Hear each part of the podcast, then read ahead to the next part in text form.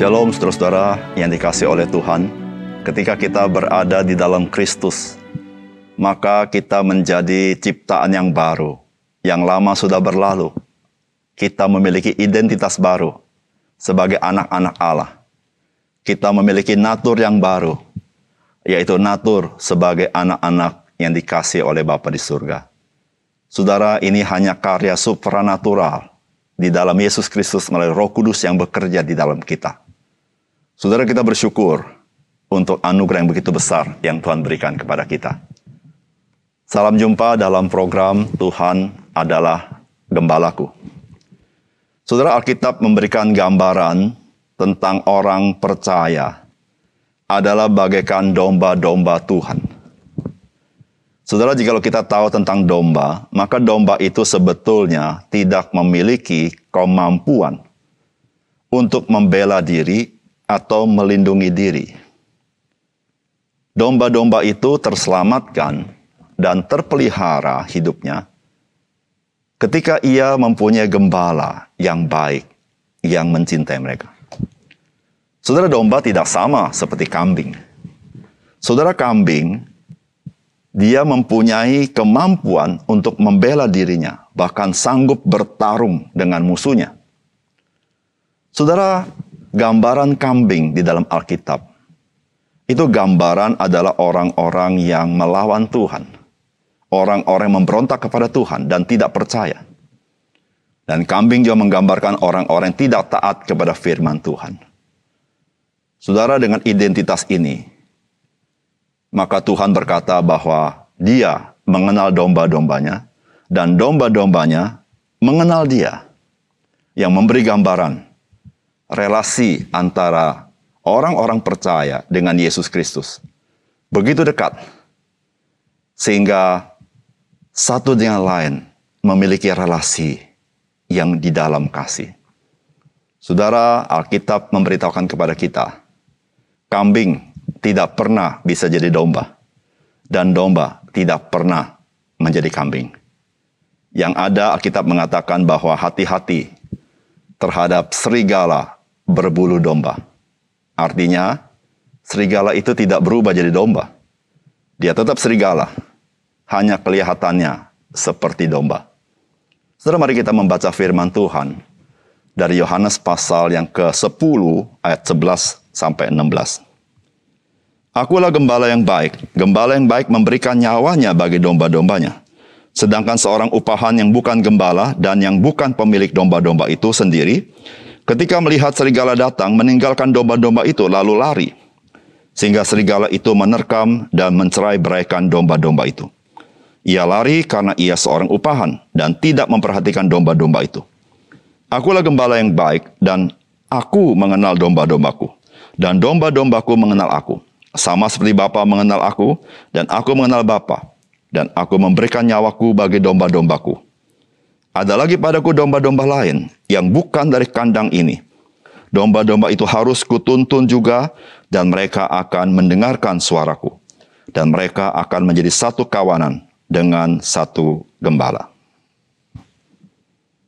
Saudara yang dikasih oleh Tuhan, dari bagian firman Tuhan ini, kita semakin mengenal siapakah Tuhan Yesus. Saudara, Tuhan Yesus dia sangat mengasihi kita.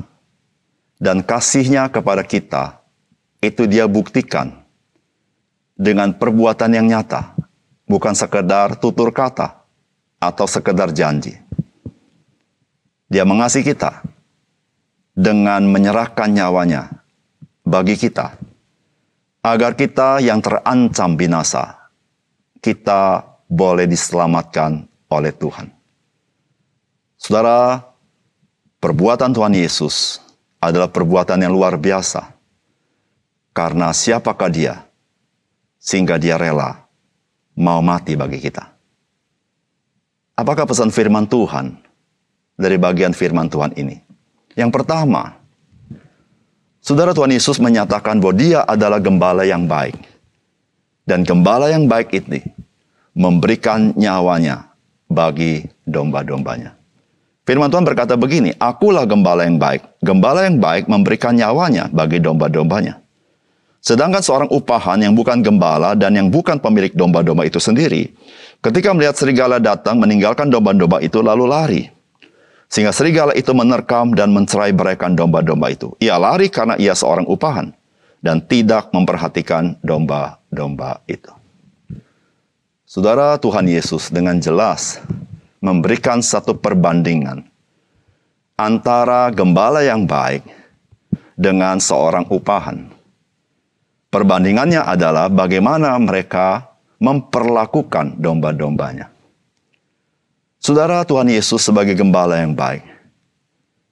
Dia tidak meninggalkan domba-dombanya yang sedang terancam akan binasa.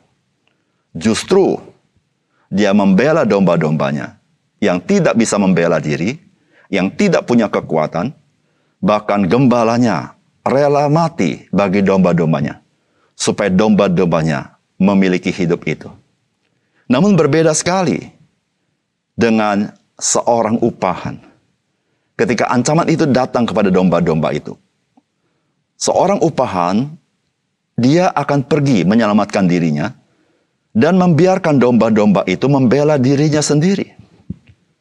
Sedangkan kita tahu domba-domba itu, dia tidak sanggup membela diri sendiri ketika ancaman itu datang. Saudara yang kasih dalam Tuhan, inilah perbedaan antara Tuhan Yesus dengan pengajar-pengajar orang Yahudi pada zaman itu yang telah menaruh kuk yang berat di atas orang-orang masyarakat pada zaman itu. Dan mereka sendiri pemimpin agama tidak memikul kuk itu.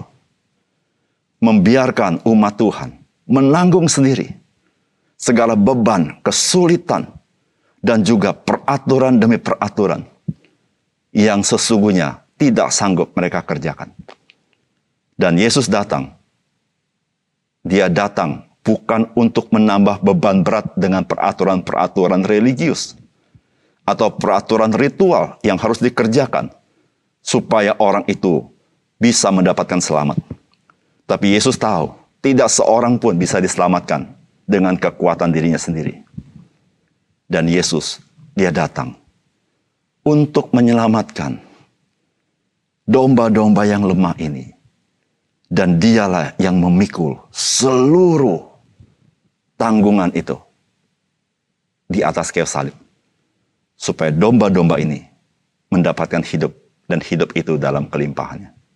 Saudara yang kasih dalam Tuhan, kita tidak sanggup untuk memenuhi tuntutan hukum-hukum Allah di dalam hidup kita.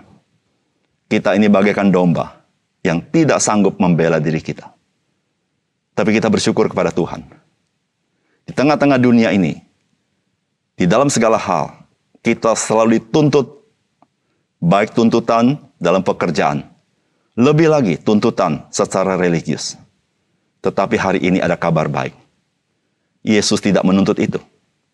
Tetapi Yesus, dia memberikan nyawanya bagi saudara dan saya.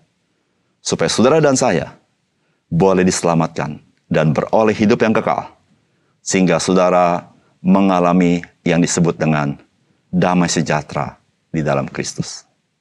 Yang kedua, yang kedua firman Tuhan mengajarkan kepada kita bahwa Yesus Kristus mengenal domba-dombanya. Dan domba-dombanya mengenal dia. Firman Tuhan berkata, akulah gembala yang baik dan aku mengenal domba-dombaku. Dan domba-dombaku mengenal aku. Sama seperti Bapa mengenal aku dan aku mengenal Bapa. Dan aku memberikan nyawaku bagi domba-dombaku. Ada lagi padaku domba-domba lain yang bukan dari kandang ini. Domba-domba itu harus kutuntun juga, dan mereka akan mendengarkan suaraku, dan mereka akan menjadi satu kawanan dengan satu gembala. Saudara kita bersyukur untuk perkataan Tuhan Yesus ini. Saudara tidak ada tokoh-tokoh Alkitab yang mengenal kita. Termasuk Abraham. Termasuk Musa, Yosua, Ayub, Daud, Salomo, bahkan nabi-nabi lain, Yesaya, dan lain sebagainya. Bahkan Rasul Paulus, Rasul Petrus, siapa pun yang disebut dalam kitab suci, nabi-nabi atau para rasul atau raja-raja atau hakim-hakim, tidak seorang pun yang mengenal kita. Karena mereka semua sudah mati. Namun berbeda dengan Tuhan Yesus. Saudara Tuhan Yesus mengatakan, Aku mengenal domba-dombaku dan domba-dombaku mengenal aku. Bahkan dikatakan ada domba-domba lain yang akan dikumpulkan. Yang dimaksudkan adalah selain orang-orang Yahudi, murid-murid Tuhan Yesus orang Yahudi, dari bangsa-bangsa lain, yang juga menjadi domba-domba Tuhan Yesus. Dan Tuhan Yesus mengenal domba-domba itu termasuk kita. Saudara mengapa demikian? Karena Tuhan Yesus adalah Tuhan. Dia memang pernah mati. Namun dia bangkit dan dia hidup selama-lamanya. Dan bahkan dia berjalan bersama dengan kita. Saudara, jikalau Yesus hanya seorang nabi, dia tidak akan kenal kita. Ketika dia mati, dia tidak akan bangkit lagi. Namun dia adalah anak Allah. Oleh karena itu, saudara yang kasih dalam Tuhan.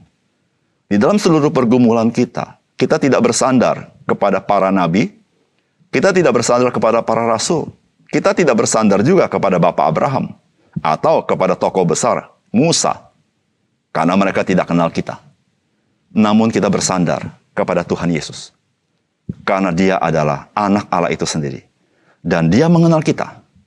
Dan puji Tuhan, kita yang sudah dilahirkan kembali, kita pun mengenal Dia. Kita mendengarkan suaranya, kita mentaati Dia, karena kita domba-dombanya. Oleh karena itu, saudara-saudara yang kasih dalam Tuhan, kita bersyukur. Meskipun mungkin dalam hidup kita, kita mengalami kesulitan dan badai dan segala macam dalam hidup kita. Namun ada Tuhan Yesus Gembala yang baik, yang menyerahkan nyawanya bagi kita. Dan dia mengenal kita. Mengenal sampai sedalam-dalamnya dengan segala kebutuhan kita. Serahkanlah hidupmu, hidupmu kepada Tuhan. Serahkanlah kekhawatiranmu kepada Tuhan. Serahkanlah ketakutanmu kepada Tuhan. Dia berjalan di depan kita. Dan dia membela dan melindungi kita. Puji Tuhan. Mari kita berdoa. Bapak surga terima kasih untuk kebenaran firman Tuhan. Biar sekali lagi kami menyadari kami adalah orang-orang yang dipilih Tuhan. Kami menjadi domba-domba Tuhan dan kami bersyukur ya Tuhan Tuhan mengenal kami. Dan kami boleh hidup di dalam pemeliharaan, hidup di dalam perlindungan, hidup di dalam berkat yang Tuhan Yesus berikan kepada kami. Tuhan terima kasih. Karena meskipun kami tahu akan Abraham dan nabi-nabi yang lain, para rasul, namun kami tahu mereka tidak mengenal kami. Tapi kami bersyukur ada Tuhan Yesus yang mengenal kami dan berjalan bersama kami. Dalam nama Tuhan Yesus kami berdoa. Amin.